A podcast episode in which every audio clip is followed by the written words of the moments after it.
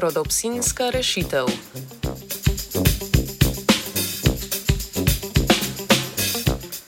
Dobro jutro. V današnjem znanstvenem Britofu se bomo potopili v mrzli Antarktični ocean, ki so se mu posvetili raziskovalci in raziskovalke iz Združenih arabskih emiratov.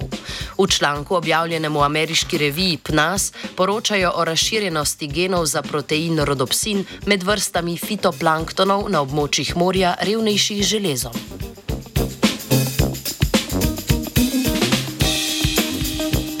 Protein rodopsin je pri človeku bistvenega pomena za zaznavo svetlobe, pri nekaterih mikroorganizmih pa sodeluje pri pridobivanju celične energije.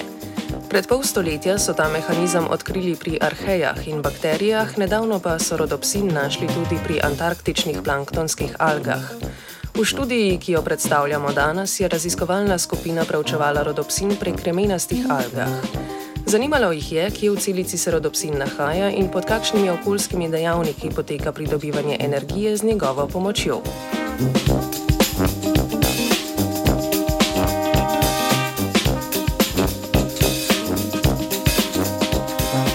Najprej so z metodo imunofluorescence pri planktonski kremenasti algi pseudoničija subkurvata odkrili, da se rodopsin nahaja na membrani vakuole.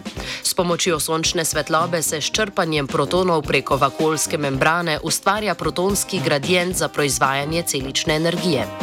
Nadalje so pri treh vrstah alg merili količino proizvedene energije ob klasični fotosintezi in alternativni poti z rodopsinom ob različnih koncentracijah železa. Železo namreč potrebujejo organizmi za fotosintezo. Prispevek proizvedene energije s pomočjo rodopsina je predstavljal do 7 odstotkov celokupne energije, delež energije pa je bil višji pri nižjih koncentracijah železa. Rodopsinska produkcija energije, ki je neodvisna od železa, tako za kremenaste alge na območjih, ki so revnejša z železom, predstavlja evolucijsko prednost.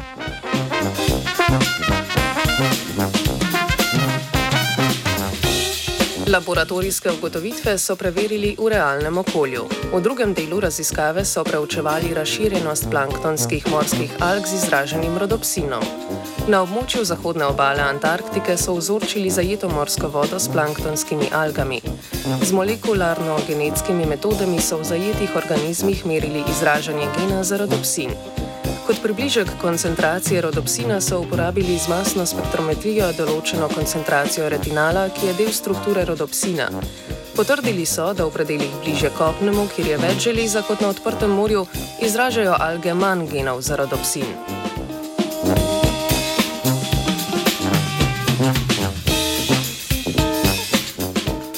Raziskovalna skupina na podlagi dobljenih rezultatov zaključuje, da je prisotnost rodopsina ključnega pomena za preživetje kremenastih alg v pogojih z manj železa in z nizkimi temperaturami, kakršni so v Antarktičnem oceanu. S prisotnostjo rodopsina nadomeščajo energijski primankljaj, ki nastane zaradi nezmožnosti opravljanja fotosinteze.